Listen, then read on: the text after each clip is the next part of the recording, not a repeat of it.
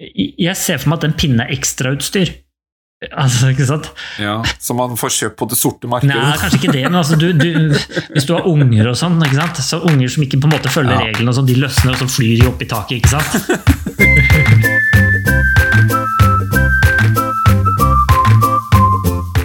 Hjertelig velkommen til nok en ny episode her på podkasten Norsk film er. Det er her vi plukker ut én norsk film, prater og nerder om. Mitt navn det er Lars Kristian Gamborg, og hvem er det som sitter ved min side? Der sitter jeg, eh, Robert Hegg. Som vanlig. Ja, men i dag så er det vel egentlig Axel Rose som sitter ved din side. Ja, det er helt riktig. Vi, er- jeg har eh, fått litt sånn, eh, sånn under, underleggingsmusikk eh, fra min side. Det er fra en festival som er rett borti hjørnet her. Og det er visstnok uh, Guns N' Roses som går på scenen hvert øyeblikk. så jeg skal, hvis det blir for ille, så skal jeg nok stikke bort og si ifra eller spørre om de kan skru ned litt. Jeg kan trekke ut strømmen, vet nappe ut skjøteledninger eller noe. Ja, det hadde vært. Men eh, du, Robert. Ja, Jeg vet jo at du er veldig glad i kortfilmer. absolutt. Gå fort, vet du. Ja, og eh, ja, du syns filmene blir for lange, er det det du mener? Altså, jeg har jo hørt at du, du har jo denne her eh, filmen om eh, jødeutryddelsen som er ti timer lang. Ja, At noen filmer blir i meste laget. ja, ja. Men det er jo akkurat kortfilm vi skal prate om i dag, Ja, det skal vi gjøre. og det er du som har valgt filmen. Yes. Og det er jo stort sett jeg som velger kortfilmer. Så i denne gangen så har jeg valgt en kortfilm fra 2006 eh, som heter Sniffer.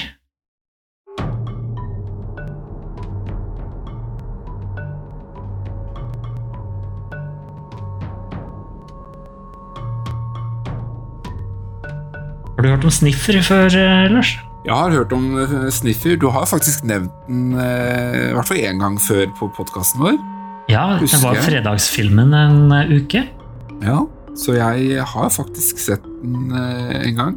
Og den er jo ikke så Mhm. lang, så den varer vel ti minutter. Ja, 9.36, tror jeg. Ja. Så apropos kortfilm, altså vi snakka litt om eh, Du snak, nevnte jo en langfilm i stad. Ja. Her for noen uker siden så så jeg en eh, film på- Cinemateket i Oslo. Riktignok ikke norsk film, men den varte altså i fire og en halv time.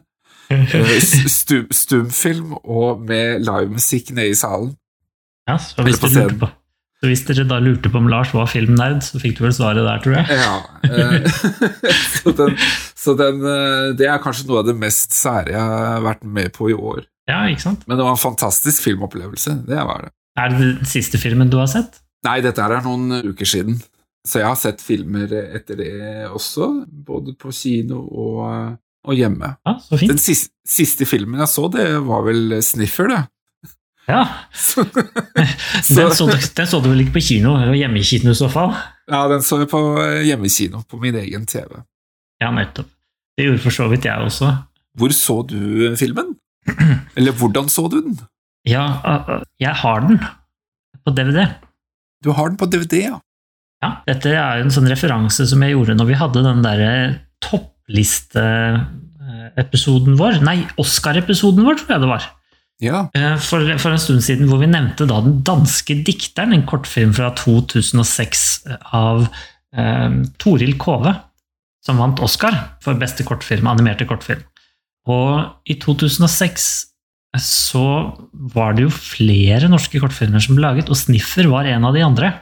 Så jeg har liksom Norsk Filminstitutt sin norsk kort 06 for to, eh, året 2006, hvor det da er 28 norske kortfilmer eh, hvor den danske dikteren er én med en stjernemarkering, og Sniffer er film nummer 26 med også stjernemarkering.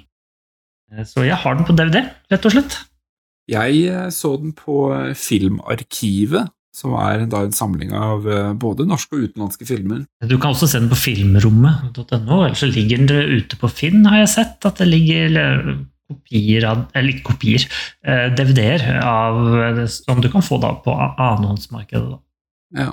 Disse her kort-DVD-filmene som du nevnte, uh, Ja. er dette noe som gis ut hvert eneste år? Altså sånn Jeg lurer på om de har slutta med det nå, men eh, når DVD-en var på høyden, på en måte, så var det noe de delte ut. Så 2000, 2000 2001, 2002, 2003, 2004 og sånt, det burde du finne.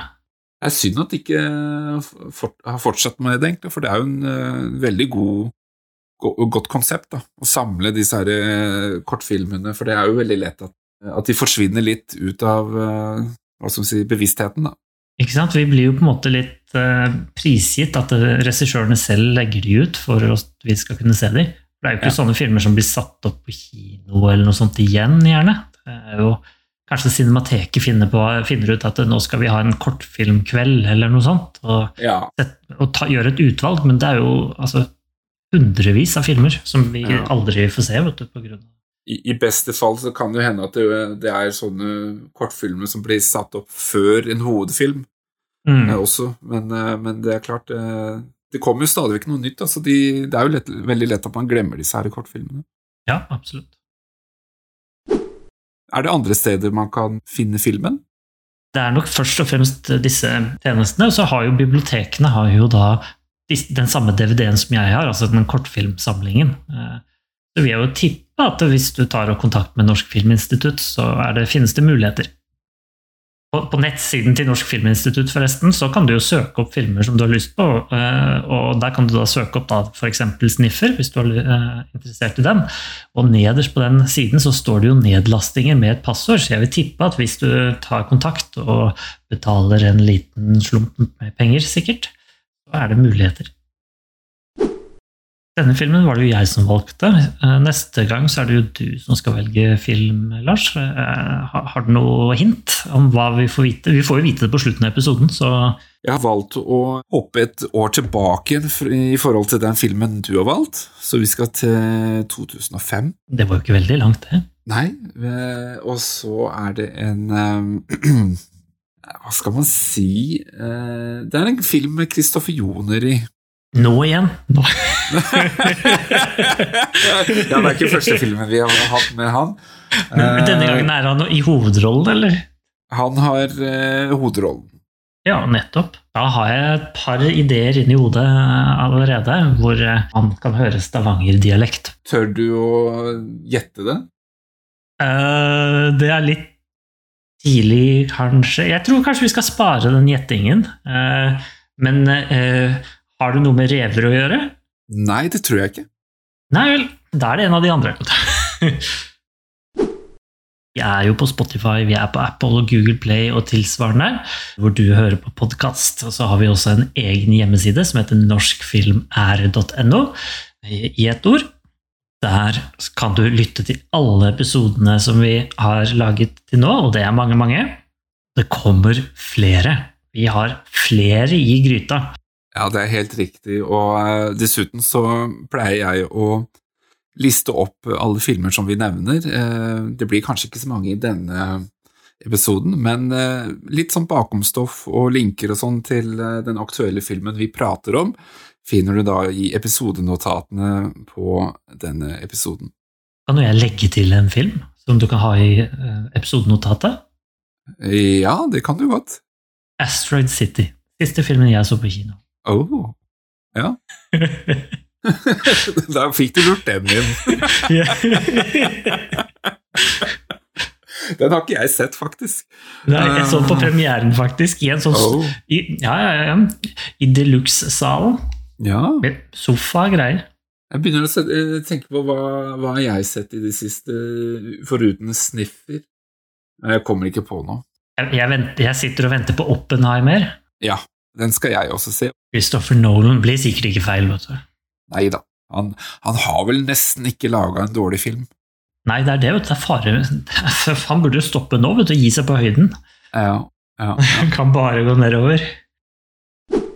Sniffer er en film fra 2006, produsert i Norge av en kar som heter Bobby Pears. Han er jo en fyr som kanskje ikke er veldig kjent for de fleste, men kanskje mer kjent blant de som hører denne podkasten, enn hvis du spør folk på gata. Og I dag så er han kanskje enda mer kjent som forfatter enn det han er som regissør. Han har vel én spillefilm, tror jeg, som heter Dirk Ohm. Har du sett den? Den kom i 2015.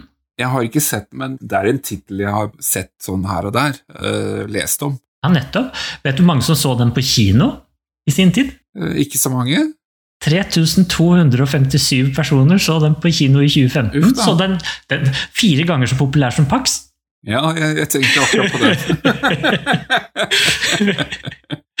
Men jeg tenkte på, øh, før vi begynner med, med filmen, øh, så kan jeg bare nevne at vi, vi spoiler jo filmen, eller kortfilmen som det blir denne episoden. Ja. Så vi anbefaler å se kortfilmen først. Det tar bare ti minutter. Og så, øh, og så kommer du tilbake til vår episode og hører vår analyse og prat og nerding om filmen.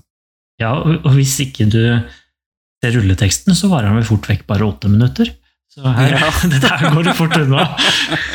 Ja, du får bare eh, knapt nok blunka, så er den ferdig. Ja, ja, ja. ja hvis du blunker, så går du glipp av det, for å si det sånn.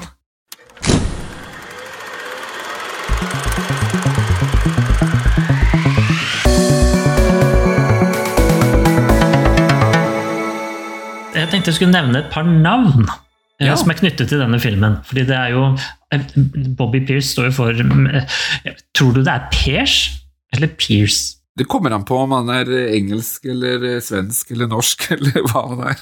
Ja, han, han er jo norsk, eh, men jeg mener han er født i sånn eh, Altså i et afrikansk land, men altså han er, er norsk, og så er han utdannet ved London internasjonale filmskole. Jeg tenker at han eh, sikkert uh, sier Bobby Pers. Jeg tror han heter sånn Bobby Daniel Pers eller noe. Vi sier det. Vi, vi, vi kan si det, og så får han klage. Ja, Han må gjerne, han må gjerne skrive inn og rette oss. Ja. Men da denne eh, filmen da, som han nå har laget, som er uh, litt av et stykke kunst, uh, kan man jo si eh, er det jo som sagt ikke bare han som har vært med og laget. Eh, Han har jo også hatt en fotograf som heter Jakob Ingimundarsson. Og jeg vet ikke om du kjenner han så godt, men jeg kan nevne hva han er, hva slags ting han har gjort før. Jeg har ikke hørt noe om det. Nei, ikke sant? men han har laget overraskende mye rart. Han har laget en film som du kanskje husker, som het United Aha. i 2003. Og så klippet han også TV-serien Lillyhammer. Ja, ja. det har jo mange hørt om. Ja, Ja, og kanskje Mammon også. mm, den har jeg sendt. Ja, eller Buzz Aldrin. Altså her er det, altså han har gjort mye rart. Han har masse masse greier. som Han har også eh, fått Han vant også beste cinematografi for en film som het Jenny i 2011.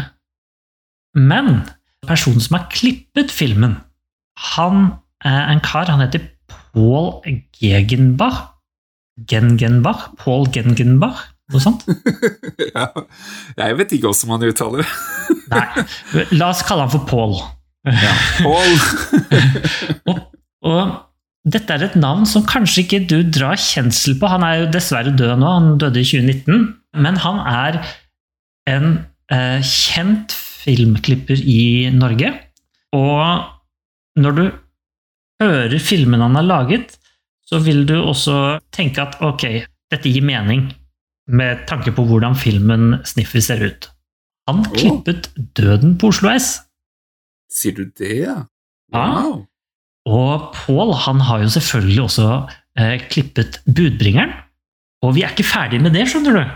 For han har også Altså, jeg hopper jo over også flere andre filmer underveis her, men han har blitt i senere tid eh, klipper for Bent Hamer. Han har klippet Salme for kjøkkenet, Faktoritum, O. Horten osv. Og, og det kan man kanskje se litt. Så han, dette er en kjent fyr. Ellers kan jeg også nevne at uh, de som spiller i filmen, det er jo ikke noen som jeg dro kjennelse på, da, men uh, det er jo da Danny Schlesinger som spiller Jeg antar at det er hovedkarakteren som vi følger. Det er riktig. Kristin Krogh Sissener. Jeg vet ikke om det er kona, eller om det er hun damen som sitter på jobben. Tror det er kona. Det kan, det kan nok være at det er kona. Og så er det da Ole Ivar Ru- Rudi, Ja. eller Rudi, eh, som også er med i filmen. Det er i hvert fall de som er listet opp som jeg så. Eh, det er, ja. vi Det ser er jo mange flere. Vi ser mange flere, men Jeg kan jo nevne det at eh, Danny eh, Schlesinger, som du nevner, han spiller jo da hovedkarakteren, som blir kalt for Douglas. Det blir på en måte aldri sagt. Det er det han heter der. Og så er det hun dama, hun heter for Mathilde. Ja. Skal vi sk- skal vi bare hoppe ut i uh, første scene, eller, eller filmen som så?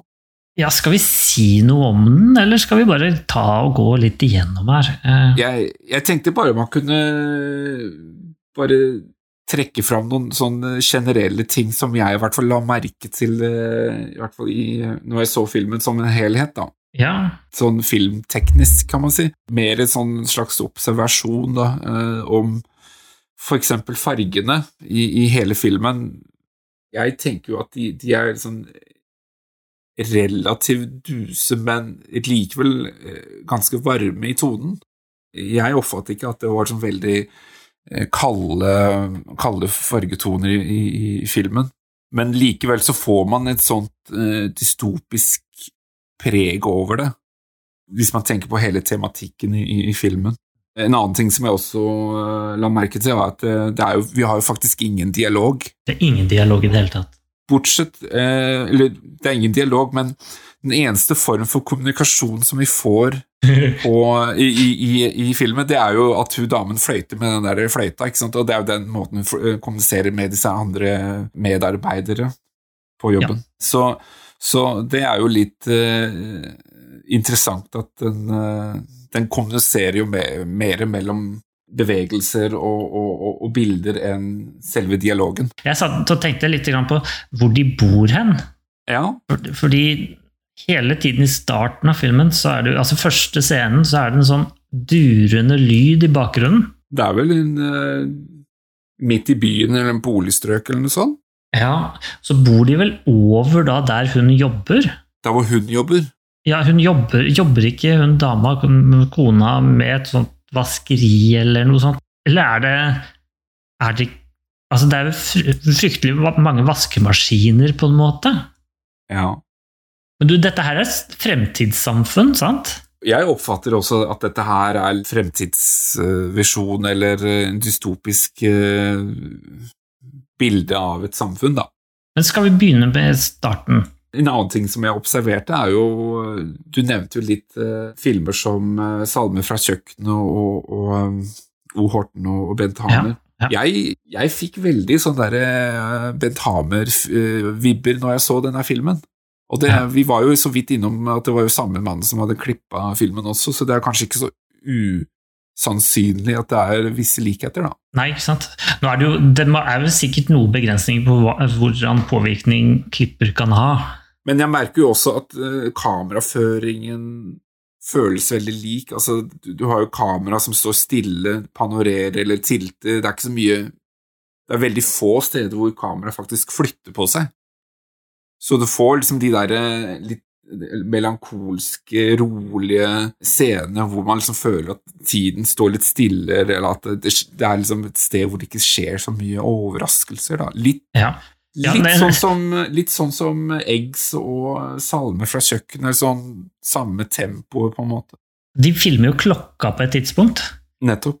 Når de begynner å fløyte, men eh, klokka er jo helt samme sted ved alle fløytesignalene, selv om de, altså det, klokka, tida står stille, selv om de går fremover, tida tida ja, går fremover. Viseren flytter seg ikke? Jeg kunne ikke se det, i hvert fall ikke minuttviseren. Men det er klart, det tok jo ikke veldig lang tid, men eh, Å ja, da, men fløyter de ikke to ganger? jo, opptil flere ganger, så det burde Ja. jo faktisk gått litt tid. Det kan jo faktisk være litt sånn bevisst uttrykk, da, at liksom tida står stille der. Altså at Ja. det er det man føler. Ja. Bra observert. Men hvis vi starter med all, det aller første som skjer Det første som skjer, er at det, et, det er et nærbilde av et ansikt til da hovedpersonen, Danny, som eh, siger ned mot det vi kan anta er gulvet. At han faller sakte mot gulvet. Eller Slow motion mot gulvet. Altså, hvem vet? Det er litt vanskelig å tyde det. Det er helt åpenbart at dette virker ikke helt sannsynlig, det som foregår. Nei, altså Jeg tenkte jo ikke over at dette her var noe sånn unaturlig, sånn sett. eh, Men, men, men, men litt snodig er det jo, ja. Ja. Eh, og etter hvert så skjønner man at det, er, det, det viser seg å være enda mer snodig enn det man trodde det var. Ja, Han driver og svever oppe i, i, i taket, eller hjørnet. fordi jeg tenkte jo det at det her så Den første scenen er at han lukter på veggen fordi at den heter Sniffer. Ja, ikke sant. Ikke sant? Men det er det jo ikke. Altså, det er kanskje det de ønsker å oppnå, at jeg skal tro det. Ja, Men det er jo ikke det som skjer. Fordi at han siger jo oppover. han flyr ja. jo, sant, på en måte. Um, Ja. Som er litt snodig, da. Eh, og så, så han blir jo på en måte hengende fast. Da. Vi tror jo på dette tidspunktet fremdeles at det er gulvet Ja. eh, han ligger på. Og så skifter kameraet over til et annet nærbilde eh, av kona. Og så tilbake igjen på han, at han driver og fikler med noe lys. ja. Og det er jo Vi må jo anta at det er mann og kone, selv om det Ja, jeg tror det er han er kona. Ja, altså, han fikler jo med dette lyset. Gjør han det? Sover ikke han? Nei, han er Mener du at det er kona som gjør det? Han ligger jo oppe i taket på dette tidspunktet og strekker seg mot en lysbryter Ja, eller noe. Jeg burde jo selvfølgelig huske scenen, men, men Og så, mis, og så mister han det ned på vekkerklokka som står på nattbordet, eh, og da våkner kona. Ja. For han henger jo nå oppunder taket, ikke sant? vi bare Ja. vet ikke det ennå, men så ser vi at han driver og fikler med noe, så plutselig faller da klokka ned, noe eller den tingen ned på, på gulvet. Og det er jo en rar ting. ja. hvis han ligger på gulvet, så kan ikke liksom den falle ned på gulvet. Nei. Nei, ikke Ikke sant. Ikke sant? Da, ja. Så han må jo være ikke på gulvet, skjønner vi jo kanskje da. Eller at det er noe gærent med graviteten her.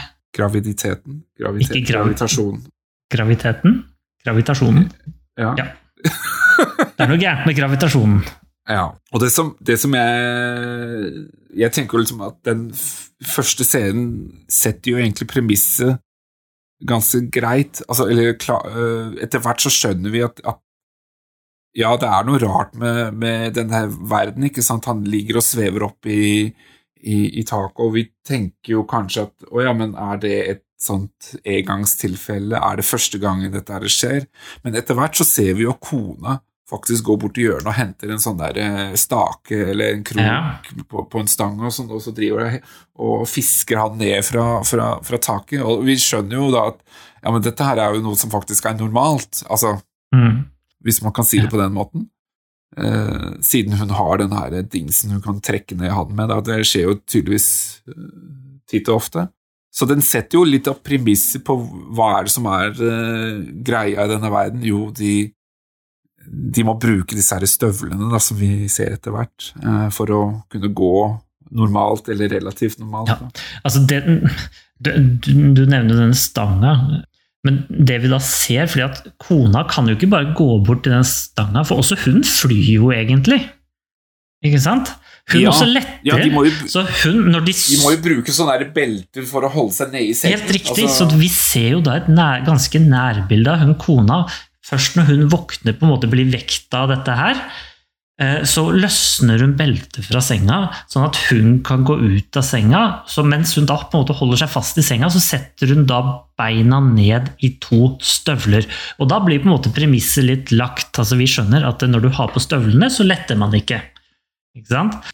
Og så hører vi den der dung, dung, dung, ikke sant? når det går bortover. fordi at dette er, er sånn gravitasjonsstøvler eller blystøvler eller hva enn du vil kalle det for noe. Og så er det det du nevnte med at hun går jo bort. Hun trekker hun for vinduet med gardinene, og så tar hun eh, denne stanga, og så tar hun og trekker ned mannen sin ned i, tilbake i senga, ikke sant? Og da tenkte jeg en ting.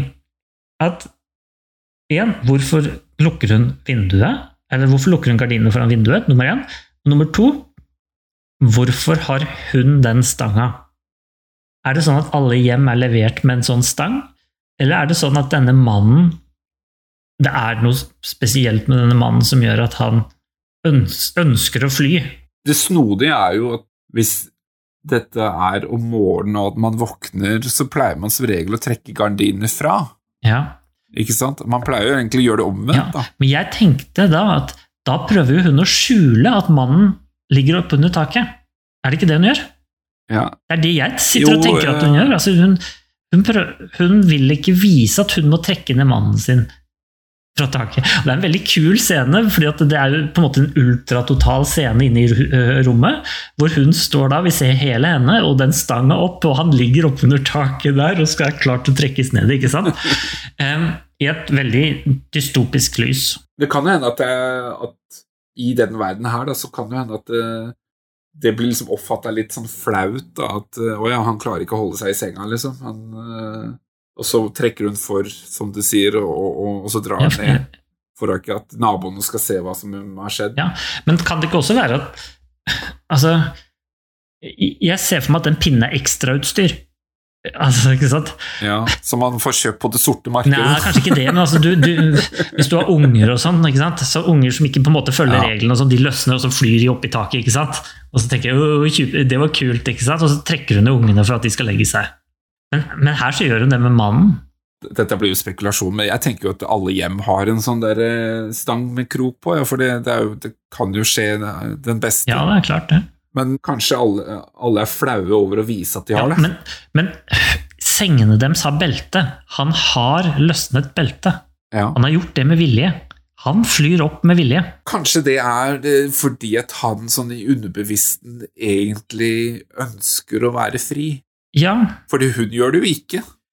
nei, ikke sant? Og det virker som at han Han, han på en måte trakter etter noe som ingen andre Ja. gjør. Altså, han har fått nok av liksom den der standarden. At alt er helt likt hele tiden. Alltid, Ja, ja. Alt i status quo, ikke sant? Altså, alt er likt hver eneste gang. Mm. Og så prøver han å endre på dette her. Det er kanskje det hun prøver å skjule, at han er litt annerledes enn alle Ja. andre. Altså, jeg vet ikke, Norsk Filminstitutt skriver eh, noe, noen få setninger om denne filmen. og De sier det at eh, i et samfunn hvor alle har evnen til å fly, forankrer innbyggerne seg til bakken via gravitasjonsstøvler. Uten sol Mm. og i stadig gråvær går medlemmene i samfunnet i sine daglige rutiner uten håp om personlig tilfredsstillelse. En dag bestemmer en mann seg for at han har fått nok og forsøker å utfordre status. Han sier opp jobben, løsner sine sko og tar bokstavelig talt av. Det er det de sier. Men poenget mitt her er at det er alltid de samme rutinene. Og denne fyren her Ja. er liksom Han er lei. Du ser på det ansiktsuttrykket til han fyren. Han er deprimert gammel uh, gubbe, altså. Så han er helt Han har fått nok. Det viser jo også litt i, scenen etterpå hvor han eh, går på jobb. ikke sant? Alle går jo i kø, ikke sant? Altså til bussen og med disse her Alle har jo støvlene på, ikke sant? De går jo i kø og, og følger de samme rutinene. Det er, det er ikke noe nytt eller overraskende som skjer. Nei, og hva betyr det, liksom? Betyr det at han er ja, Poenget i filmen er vel helt sikkert at dette er sånn som vi er òg. Ikke sant? Ja, jeg, jeg, jeg tenker også at det er noe, at det er noe der at, at vi som et samfunn blir underlagt disse her rutinene, daglige Mm. rutinene, og lever liksom egentlig litt sånn Ja, Regelbundet, på en måte. Vi, kan, vi går ikke utenfor Ja. boksen, tenker ikke utenfor, vi gjør ikke andre valg. Men det er jo det han gjør når han ligger og sover i starten av filmen, i første scene. Han tenker utenfor boksen. han. Han gjør noe annet. Han Ja. tar og løsner beltet. Altså, vi ser ikke at han gjør det, men han må ha gjort det. Fordi han vil jo ikke plutselig begynne å sveve. Han svever jo med en gang han ikke er forankra. Så han har løsna beltet og gått opp i taket. Dette er tydeligvis noe som skjer hele tiden. fordi han prøver jo å fikle til et eller annet uten at kona skal våkne. og Så våkner kona, og da på en måte taper han litt, og kona trekker han ned igjen, tilbake til hverdagen. Men det var en ting som jeg tenkte over sånn veldig kjapt. De neste scenene hvor de, man er utendørs, og han tar bussen og, og går liksom i kø sammen med alle andre. Ja, Vi er for så vidt ikke kommet dit, da. Ja, da kan jeg ta det når vi kommer dit. Okay, Det var veldig viktig i forhold til den sammenhengen. Ikke sånn sett. Ok, for Han blir jo trukket ned i sengen, sånn som jeg har sagt. ikke sant? Eh, Og så ligger han der og ser ettertenksomt ut i lufta. Det er litt det der. Han ser tomt ut i lufta. Det er litt av poenget mitt. Han, han, han, ser at han er lei av hele han er lei av livet, liksom. ja. Og så skifter navnet til Sniffer. ikke sant? Altså Vi får tittelskjermen, eh, tittelfonten. Hva heter det for noe? Tittel... Tittelkortet? Tittel, Tittelkortet, ja. ikke sant? Ja. Tittelkortet med- hvor det står sniffer. Og så er neste del at han står foran speilet. Og da ser vi jo at han har på seg disse støvlene for å holde seg nede, holde seg forankret, og han gjør sine daglige rutiner. Han står der, og han blir sett skuet på fra tre forskjellige vinkler. Han har tre forskjellige speil som han ser på, sånn at vi også får sett han veldig tydelig fra alle bauger og kanter. Ja. Eh, Og, og, Og så- og igjen så er det jo de der rutinene som hele samfunnet er bygget opp av. da. Det er jo, de, man, det er jo de, det er jo de rutinene vi liksom blir introdusert, da, som legger premisser for uh, de neste scenene som kommer. Mm, og så kler han på seg, det ser vi jo ikke. Så går han da gjennom dette vaskerommet, hvor vi da får se kona, antar jeg, som står og damper tøy. Eller jeg vil tippe at de har renseri i kjelleren. De sier ingenting til hverandre, og så går han til busstoppet. Men har du, har du eh, lagt merke til at alle disse her elementene som vi ser, da Morgenstellet, og så er det liksom det der Kall det jobben eller renseriet til kona, da. Altså, Ja, ja. jobben hans, buss, ikke sant. All, alle dette her er jo ekstremt bygget opp av rutiner, da. Altså, du står og Mm. stryker de samme tingene, du står og Altså, du pusser jo tennene, ikke sant. Det er de samme tingene du gjør hver dag. På jobben så gjør han sikkert de samme tingene hver dag også. Altså, det er bare rutiner på rutiner på rutiner. Altså, det er sånne jobber som det er bare går i det samme og det samme, og det tror jeg kanskje ikke er helt ubevisst, altså. Nei, det er jo det det handler den, om, så i denne sammenhengen her. Og så blir han stående ved bussholdeplassen, og jeg vet ikke om du lot merke til det, men der så zoomer de ut, nærmest ultratotalt bilde på en måte, hvor han står i den ene kanten, du har busskiltet i sentralperspektivet på en måte i midten, og så har vi den derre grønne brannhydrant-tingen på høyre side. Og på mange måter så blir han stående litt som den brannhydranten, han står helt likt. De har ganske lik form, både han og den brannhydranten, bare det at hydranten er mye mindre. da, ikke sant? Og de bare står der. Og den brannhydranten har jo alltid stått der, ikke sant? Den har bare stått der alltid, alltid, alltid. Og nå Dette gjør han også. Han står der alltid. Han står jo sikkert på samme plassen hver dag. Helt riktig.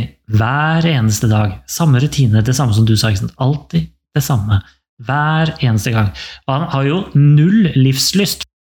De zoomer jo da etter hvert inn på et eh, halvtotalt bilde hvor han ser på klokka si, og vi ser at tiden går sakte, sakte, og han følger da liksom disse pollenbitene som flyr i lufta, som flyr sakte forbi.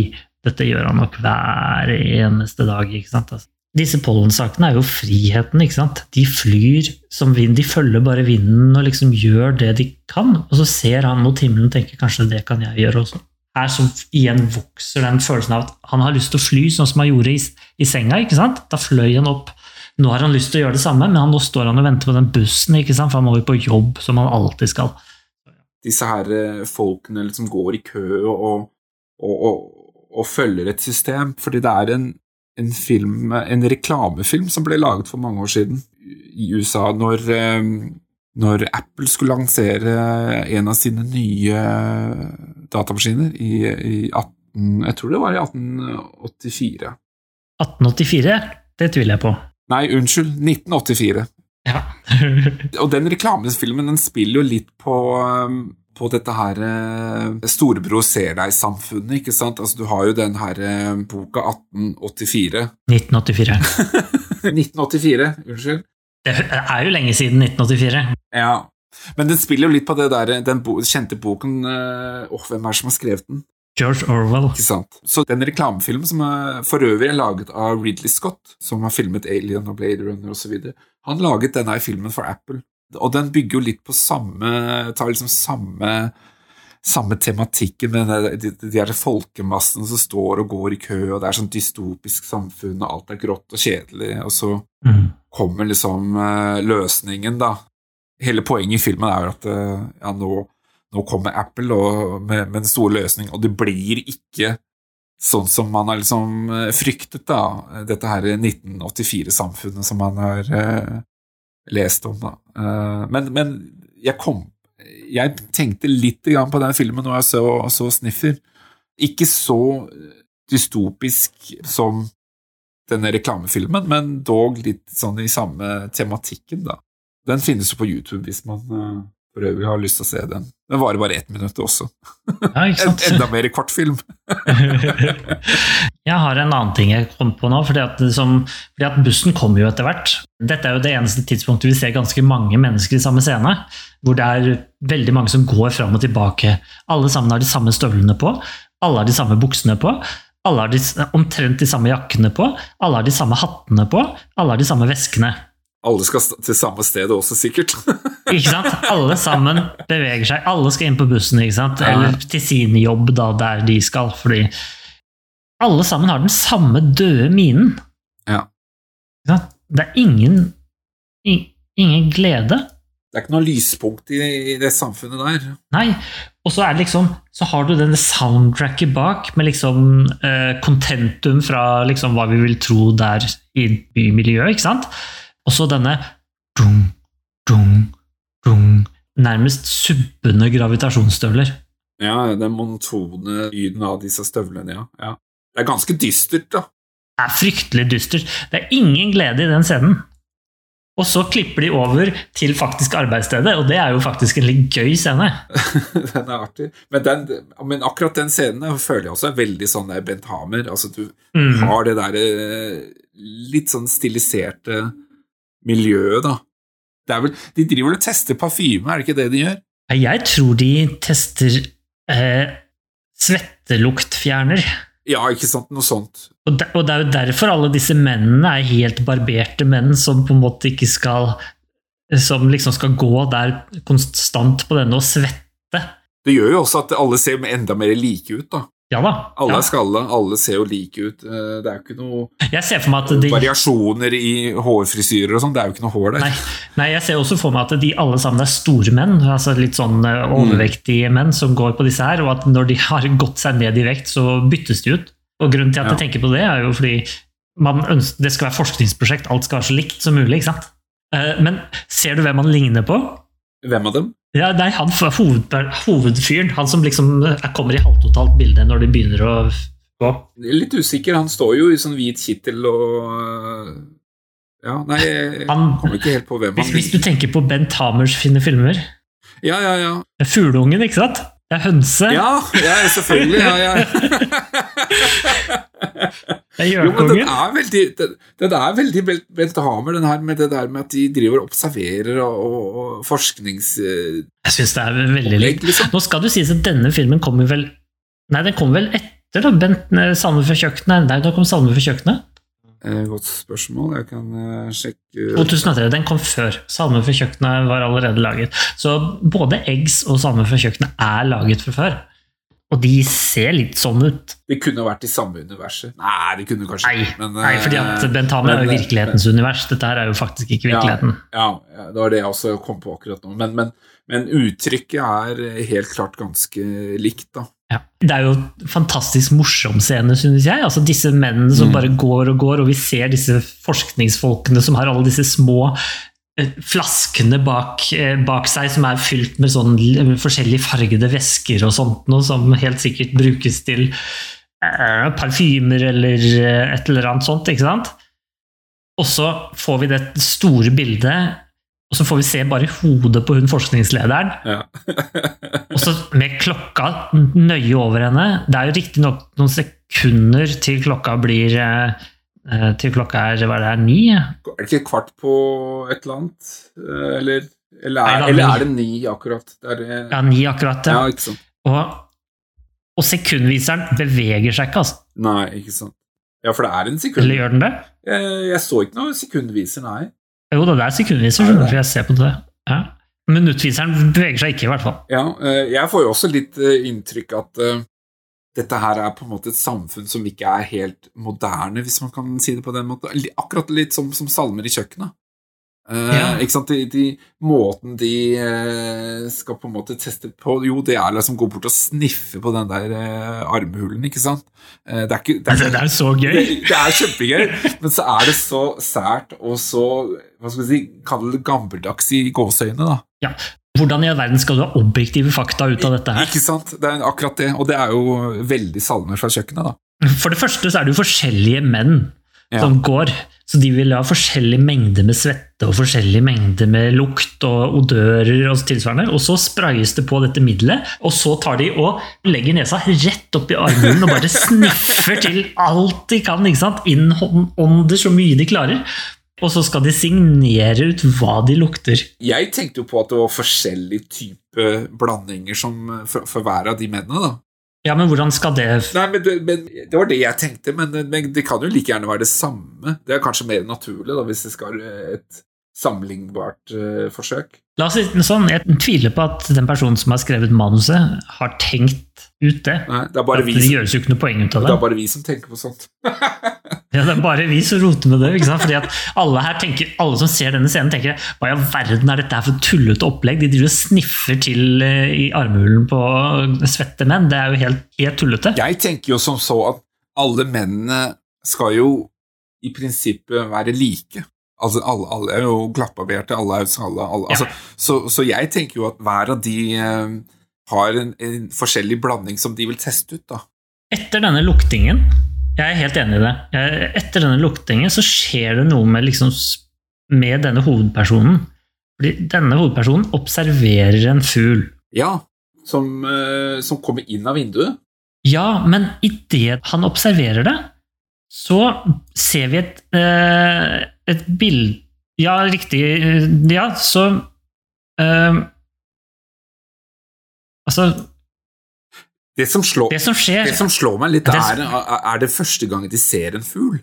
Eller er det på en måte en sånn normal greie i, i dette eh, samfunnet? Tror, hva, hva tenker du? Alle, er det ikke litt sånn at alle stopper litt opp og sånn, eller? Jeg tenkte litt på det, men det som skjer, er jo at i den scenen er et sånn filmatisk virkemiddel, fordi at han observerer noe, og vi kan se fordi at han lager en reaksjon med ansiktet som han ikke har gjort tidligere. Og når han gjør det, så film, blir filmen spilt av i slow motion. Da, når, når vi liksom ser selve fuglen, er det det du tenker på? Nei, vi har ikke sett fuglen enda, Okay. men han har sett fuglen. Vi skjønner at han har sett et eller annet. Så begynner det å gå i slow motion. ja, ja, for vi ser ansiktene hans i slow motion, og så ser vi alle disse kara som går på disse her eh, disse eh, tredemøllene i slow motion fra baksiden. Ja. Vi ser det går dung, dung, Ja, ja, ja, ja. går sakte. Ja, ja.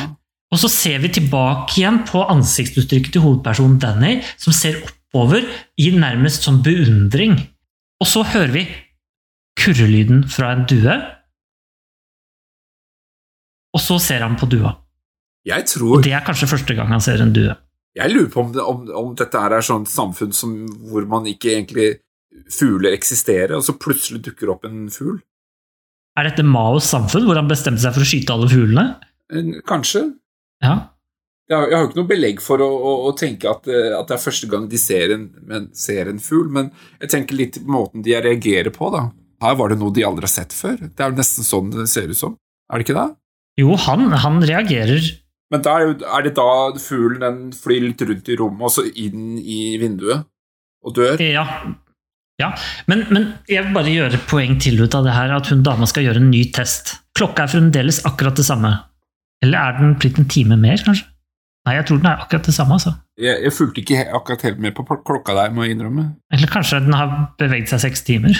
Det var fryktelig fort, da. det gir jo ikke mening i det hele tatt. Men det hadde vært gøy da hvis jeg hadde vært der i seks timer og testa akkurat de samme tingene. Ja, ikke sant? Eh, Ja. Akkurat seks timer. Det kan jo være litt poeng med det der at tiden står litt stille der. At man føler at eh, ja, men det gjør de samme tingene, tiden går jo ikke i det hele tatt. Altså, Men, men Lars, jeg er ganske sikker på at han observerer denne fuglen for første gang. det tror jeg også.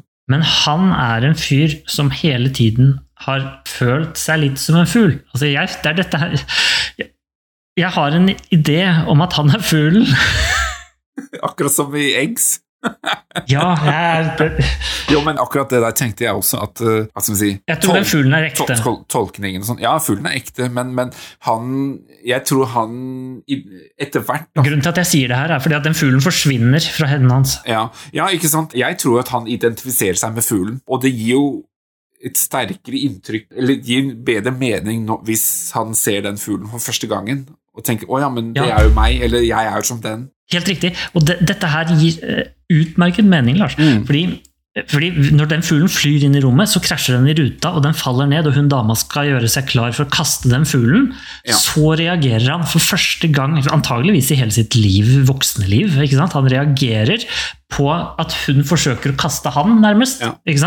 Det han ser, er jo hans mulighet nå til å gi seg selv en verdig adskjed, avslutte på en verdig måte han føler at han egentlig er den fuglen. Han kan ta identiteten til fuglen, nærmest.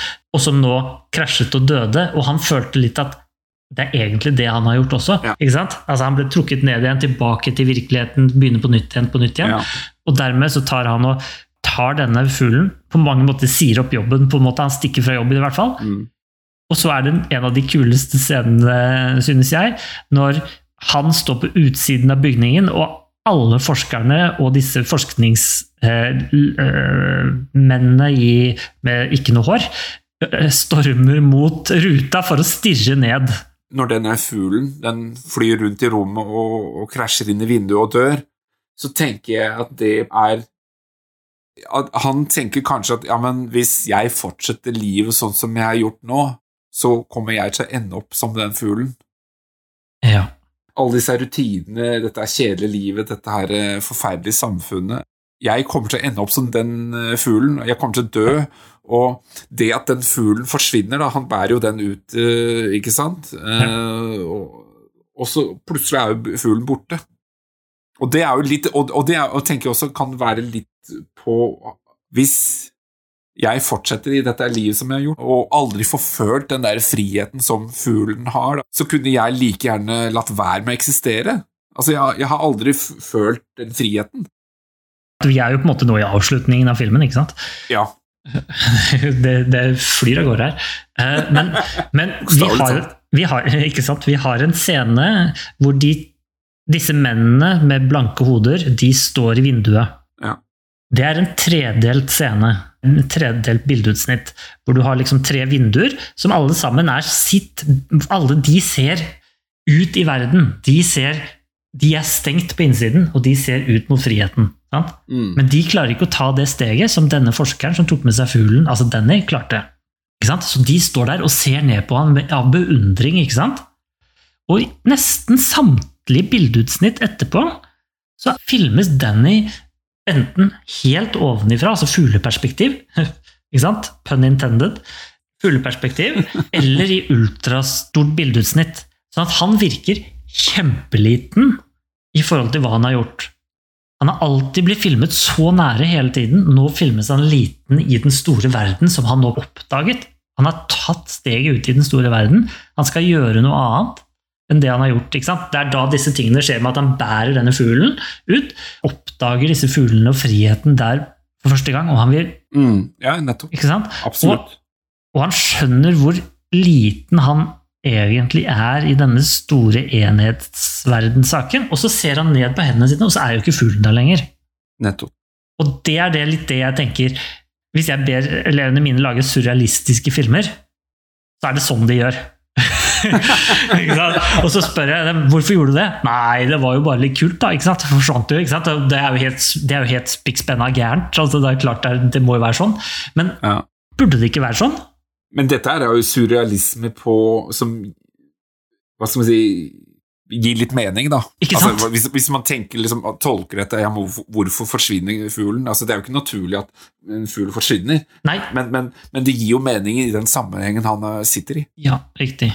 Hvis man tolker det sånn som vi snakka om i stad. Ja, så At han er fuglen. Ja, ikke sant? Han, går, han tar fuglens rolle, og så blir han fuglen. Og så går Ja. han bortover helt fram til han kommer til kona der hun sitter, jobber i renseriet, og da har han tatt av klærne sine. Sier ingenting. Samme type døde mine i ansiktet, nærmest. Men kona derimot virker det som forstår noe med engstelse. Så ser hun på at han løsner sko skoene sine, og at han blir trukket ut av gravitasjonen, ut av skoene, og svever oppover. Jo, men kona vet jo Altså, kona har jo opplevd at han har en tendens til å, å løsne disse her beltene på, på, på sengen, så hun vet jo på en måte litt hva som kommer. Ja. Det er kanskje det som er litt av den eh, går- bekymringen. Ja, Hun går jo nå ut på gata etterpå, så ser hun opp etter han. ikke sant? For det er åpenbart, Mm. Her er mannen hennes altså Han kommer jo ikke tilbake. Han er, han, han er jo en fugl. Han følte, seg, han følte seg jo som denne fuglen som var stengt inne i dette forskningslokalet og Ja. krasjet i ruta. ikke sant? Det er det samme som han gjorde den natta når han løsna beltet. Han var inne i rommet, løsnet beltet, krasja i taket, fuglen krasja i vinduet. ikke sant? Det er akkurat det samme. Men Altså, jeg, jeg tror ikke han blir fuglen, eller er fuglen. Jeg tror bare at han identifiserer seg med den friheten som fuglen har. ja, Jeg tror ikke han løsner disse her hengslene fra de støvlene, og så kan han fly. Han, han svever bare rett opp. opp, i atmosfæren. Nei, det tror ikke jeg heller, men jeg tror det er drømmen hans. Men det som jeg syns er litt interessant, da, det er jo at uh, man kan jo i prinsippet ikke gjøre noe med naturloven. Altså, Den er jo bare der, den må man jo forholde seg til. Man kan kanskje gjøre noe med samfunnet og endre altså Fjerne alle disse teite reglene og rutinene, men han velger jo faktisk å forholde seg til naturloven og bare ja, løse det på den måten, da. Og, og bare bli fri. Det, det, er ikke, det, det er jo ikke det rasjonelle valget han tar. Eh, man skulle liksom kanskje tenke at la oss gjøre et opprør eh, alle sammen. Vi vil jo alle være fri, men han slipper seg bare fri sjøl, akkurat som fuglen. Ta ut selvmord, da. Ja, det kan man jo nok eh, kanskje si. Man vet jo ikke konsekvensen av det, da.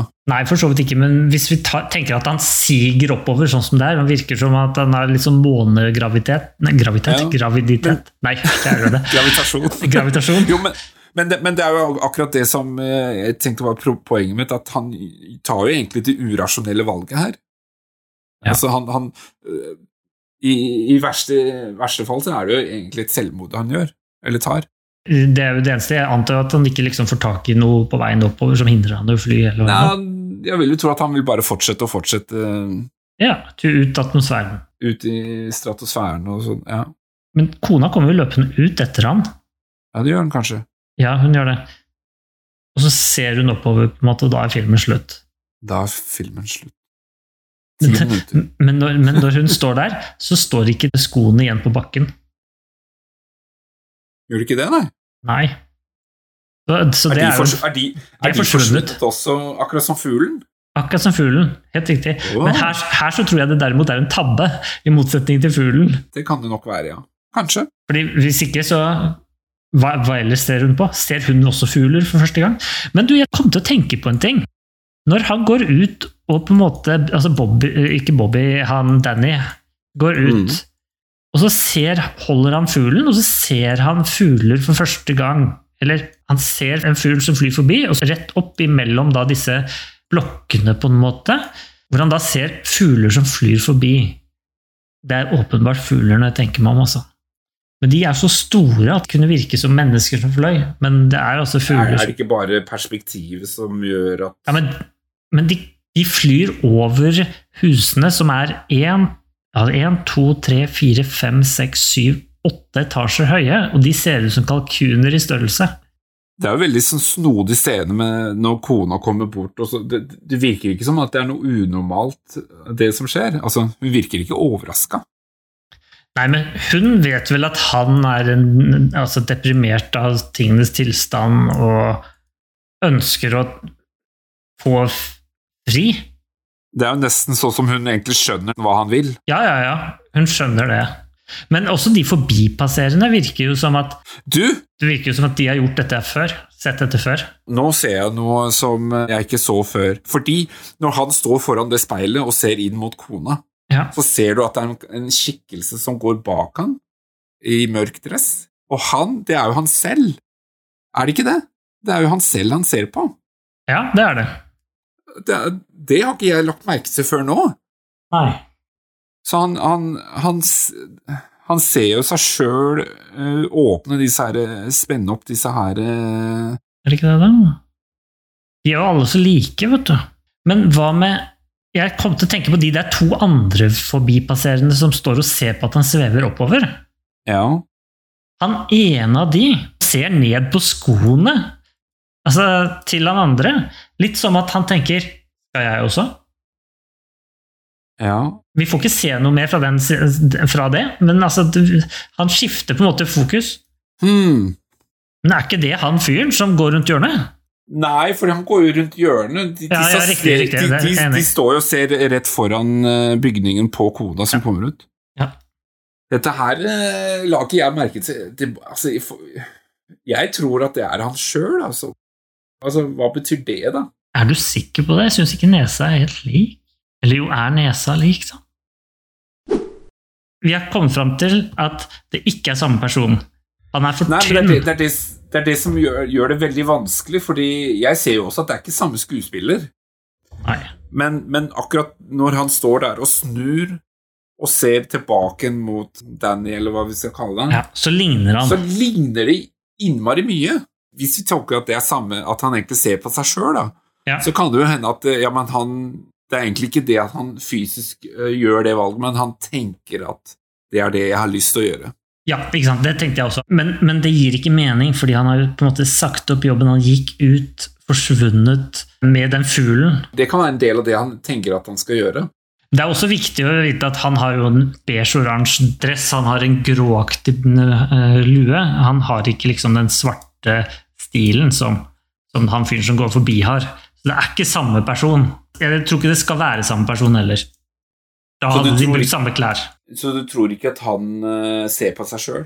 Nei. Nei. Jeg tror det er en tilfeldig forbipasserende som de to andre. Jeg vil gjerne at det skal være samme person. Jeg tror det, jeg tror ikke det er samme person. Men da er jo egentlig filmen ferdig. Ja, denne filmen vant jo Gullpalmen i Cannes. Ja, det er ganske stort. Det er, ingen andre norske film har gjort det. Dette er et unntak. sant? En av de personene som satt i den juryen Han ene er en russer som heter Andrej Kontsjalovskij. Jeg vet ikke om du har hørt om han? Han har laget masse filmer som ikke jeg har hørt om. Det var en grei oppsummering. men, men han er åpenbart kjent og godt likt, da, tydeligvis. I hvert fall for sitt filmatiske verk. Og så er det da en kar ifra som heter Cissé, som er sen senegalsk Nei, en, en Mali-filmregissør fra Mali i Afrika. Han er Afrikas største filmskaper. Han heter Soleimane Cissé. Kanskje man burde se noen av filmene hans. Men den siste personen av filmregissører som satt i den juryen, det er et navn du helt sikkert drar kjensel på. Som en litt snodig skrue. Lars von Trier. Tim Burton. Ja, han er jo snodig. Ja, Så at det går til en litt sånn snodig film, er jo kanskje ikke så rart. Jeg ser eh, en av de andre filmene som også ble sendt inn, da. Det er en engelsk film eh, som heter Film Noir. Den varer fire minutter. Dagbladet ga filmen terningkast seks. Det er jo ganske gjevt. Det er relativt bra. Det er litt unormalt å se en film i 4-3 eller 1-1-85 eller hva det er for noe rart. Ellers, hva, hva, hva tenker du? Hva, tro, hva tror du dette her egentlig er for noe, Lars? Hva er det vi har sett? En regissør som ofte blir vist på Cannes, er jo Bent Hamer. Ja. Og dette her er jo litt sånn Bent Hamersk i stilen, sånn visuelt. ja. Det var mye mer eh, Bent Hamer enn det jeg først tenkte at den var. Det er ganske mye der. Det er i grunnen det, altså. Måten kona seg, set, sitter i senga og putter beina ned i støvlene, eksempel. Altså det med at man filmer føtter og, og sånn. Ja, veldig nært på den fra baksiden, gjerne. Det samme med hvordan man velger ut Man bruker alle mulige bildeutsnitt tydeligere. Skoene veldig nære, ansiktet veldig nære, armhulen veldig nært. Gjør hovedpersonen Danny kjempeliten når han tar valg om å bli en del av verden, på en måte. Skal vi eh, runde av? Ja, vi kan det. Jeg satte jo dette her opp som mine topp 25 filmer, eh, Lars. Ja. Og hovedgrunnen til det var jo først og fremst at det er den eneste kan-vinneren vi har. Og det må jo bety noe, føler jeg. Men jeg synes den også er veldig særegen. Hva er det her for en fortelling denne personen har ønsket å fortelle? Jeg, jeg vil tro, og det er jo også det vi har snakket om, er jo at jeg tror det handler om bruddet med rutinene, på en måte. Muligheten å være fri. Ikke bare følg. Du, du brukte 1884 som en flott sammenligning. 1984. herlig I George Orwells bok så er det jo sånn at dette samfunnet i utgangspunktet var ganske åpent, og så blir det mer og mer lukka. De fjerner alle muligheter. Til slutt så er det bare Du bare går den faste veien til jobben og gjør den samme ting. Du stiller ikke spørsmål med eksistensen i det hele tatt. Jeg tror det er det denne filmen her handler om. Å stille spørsmål ved eksistensen. Hvis du har liksom lyst til å føle deg så fri som en fugl, så er det jo det du, man skal søke etter, Ja. tenker jeg. Hvis du vil fly, så må du ta av gravitasjonsstøvlene først. Han hadde jo ikke behov for å ta av seg genseren og jakka. Men husk å eh, ha en line sånn at du kommer ned igjen. Ja, ikke sant?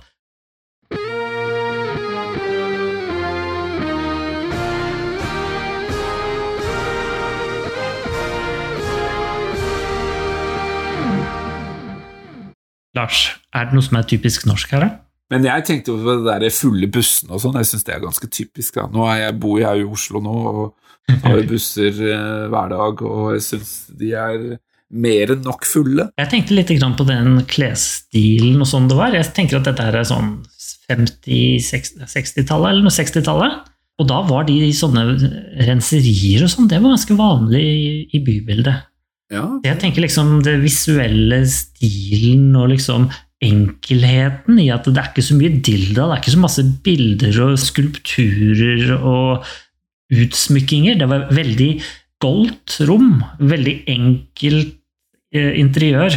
Det var liksom en seng, og det var en gardin foran vinduet som var enkel, og det var en stang for å eh, få deg ned i senga igjen. Liksom. Det var hele rommet.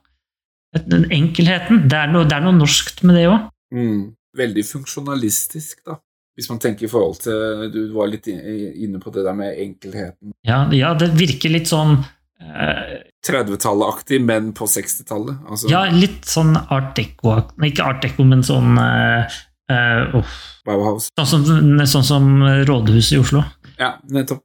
Herlighet, hva heter det for noe? Vi kaller den egentlig for den internasjonale stil, eller funksjonalisme, da. Men uh, den perioden. Jeg føler det er noe typisk norsk med den her, i hvert fall. Verden, Mm. Stilen, rett og slett. Jeg tenker jo også på det derre husmorrollen, ikke sant. Man ser jo hun, øh, kona står der og stryker og jobber i dette her vaskeriet. Kjønnsdelingen, ja. Rollen, ikke sant, med at husmoren skal være hjemme, kona skal være hjemme og passe huset, og mannen skal på jobb. Sjefen på forskningssenteret var jo åpenbart dame. Ja. Klokka beveger seg forresten. Den flytter seg seks timer, så det er åpenbart at det skal ha gått seks timer i den perioden, tror jeg. Og så viserne har flytta seg. Viserne har flyttet seg fra klokken ni til klokken tre, men den er hel. Så den andre gangen som hun skal til å blåse i fløyta, når det, altså fuglen kommer inn, Ja. da har tiden gått. Så den tiden som på en måte er sakte film, den skal, er der for at vi skal føle at tiden går sakte gjennom den dagen, men at tiden faktisk har gått fra klokken ni til klokken seks. Og Det er derfor øynene hans hele tiden nærmest altså han nærmest sovner med øynene på dette forskningsprosjektet sitt foran. ikke sant? Og så når han hører kurringa fra dua, så tar øynene og flytter seg til han, da. Hvilken film var det du valgte? Jeg nevnte jo at dette var en film fra 2005. Ja, Kristoffer Joner? Kristoffer Joner spiller eh, hovedrollen i den. Det er en thriller, horror. Du eh, hadde jo et par forslag i starten, eller har du flere Um, uten å jukse? uten å jukse? Nei, det går ikke. Um, men jeg kan se hvilken jeg tenkte på. Jeg tenkte på Villmark. tenkte jeg på. Ja, Den er, er vel to, 2003. ja, det er et godt forslag, for han er jo med i den òg. Og det er jo også en thriller. Ja, nettopp. ja. Men dette her er da filmen fra 2005 som heter Naboer. Ja vel.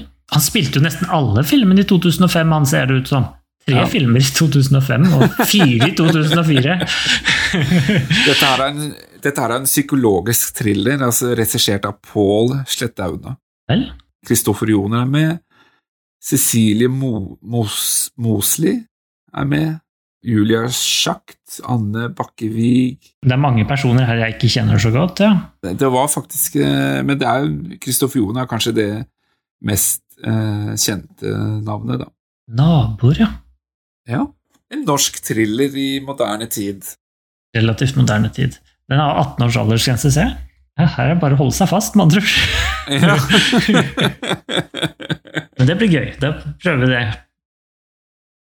Nå har jo vi krangla fælt om eh, Kanskje ikke vi har krangla så mye, men vi har snakket fælt mye om sniffer disse ti minuttene. Men er du uenig med oss når det kommer til disse ti minuttene? Er denne fyren som går bak der, er det kanskje hovedpersonen selv, eller er det ikke det, som vi kanskje kom fram til? Hvis du er enig eller uenig med oss, skriv til oss på Instagram eller på Facebook. Der svarer vi også med en gang, og så tar vi det opp i neste episode, f.eks. Du finner oss også på Spotify, Apple og Google Podkast og diverse andre plattformer og apper hvor du finner podkast. Der kan du lytte til alle våre tidligere episoder, og denne her om sniffer. Og vi har også en hjemmeside, norskfilmer.no. Der finner du også alle episodene våre. blir vi veldig veldig glad hvis vi får spørsmål eller tips eller kommentarer. Og så kan jo du sjekke Instagrammen vår og se på alt bakom stoffet. For eksempel så hadde vi litt ute i dag. Da er det bare å si ha det bra. Ha det bra.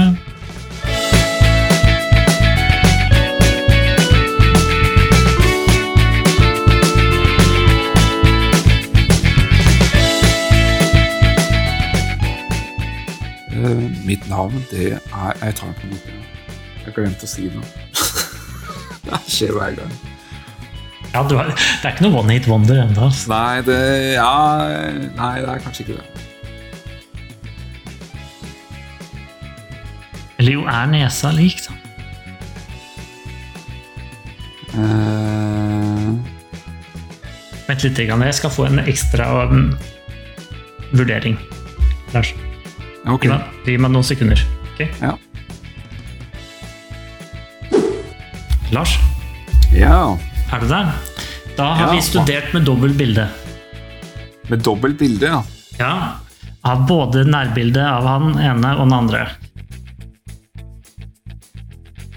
Er, vi i podkasten nå? Vi kan godt hoppe tilbake inn i podkasten, ja. Ja. Hallo, Lars. Du finner ikke ut av dette her. Hallo. Ja. jeg lurer på hvor mye av den her konserten som kommer med. Jeg hører ingenting, jeg, altså. Gjør ikke det, nei? Okay. Vent litt, kanskje. Nei. Nei. Du kommer av og til borti mikrofonen, tror jeg. Ja, jeg banka borti mikrofonen. Jeg beklager. Jeg, bare, jeg hører litt sånn Ja. sånn trubadur. Nei, sånn uh, Sånn slaginstrument.